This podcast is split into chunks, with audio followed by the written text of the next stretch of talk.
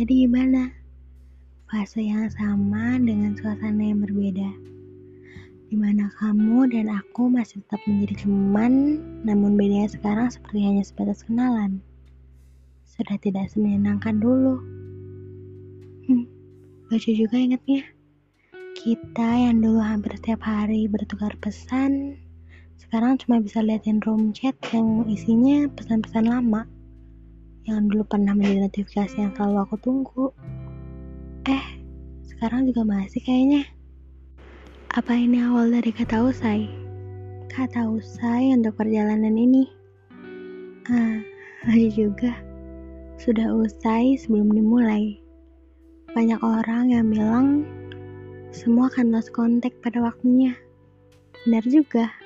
Salah satunya kita ya. Maaf sudah hadir dalam hidupmu. Bahkan sempat menganggapmu rumah. Hmm, rancang sekali ya. Padahal kamu sendiri pun mungkin tidak pernah menganggap aku tinggal. Atau bahkan singgah. Kamu gak salah.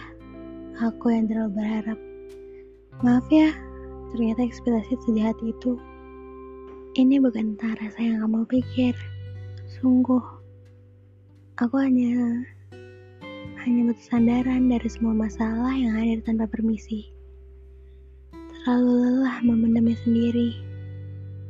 Maaf sudah merepotkan. Ya, kalau dibilang sakit, kecewa, sedih, kesel, ya pasti. Tapi nggak apa-apa. Gini, aku memang tidak sedang baik-baik saja. Tapi aku nggak apa-apa. Karena permasalahannya pun aku yang buat. Maaf. Oh iya, perihal mengikhlaskan, maaf ya, tidak bisa secepat itu. Aku masih belum bisa sepenuhnya ikhlas. Tapi aku janji, pasti secepatnya.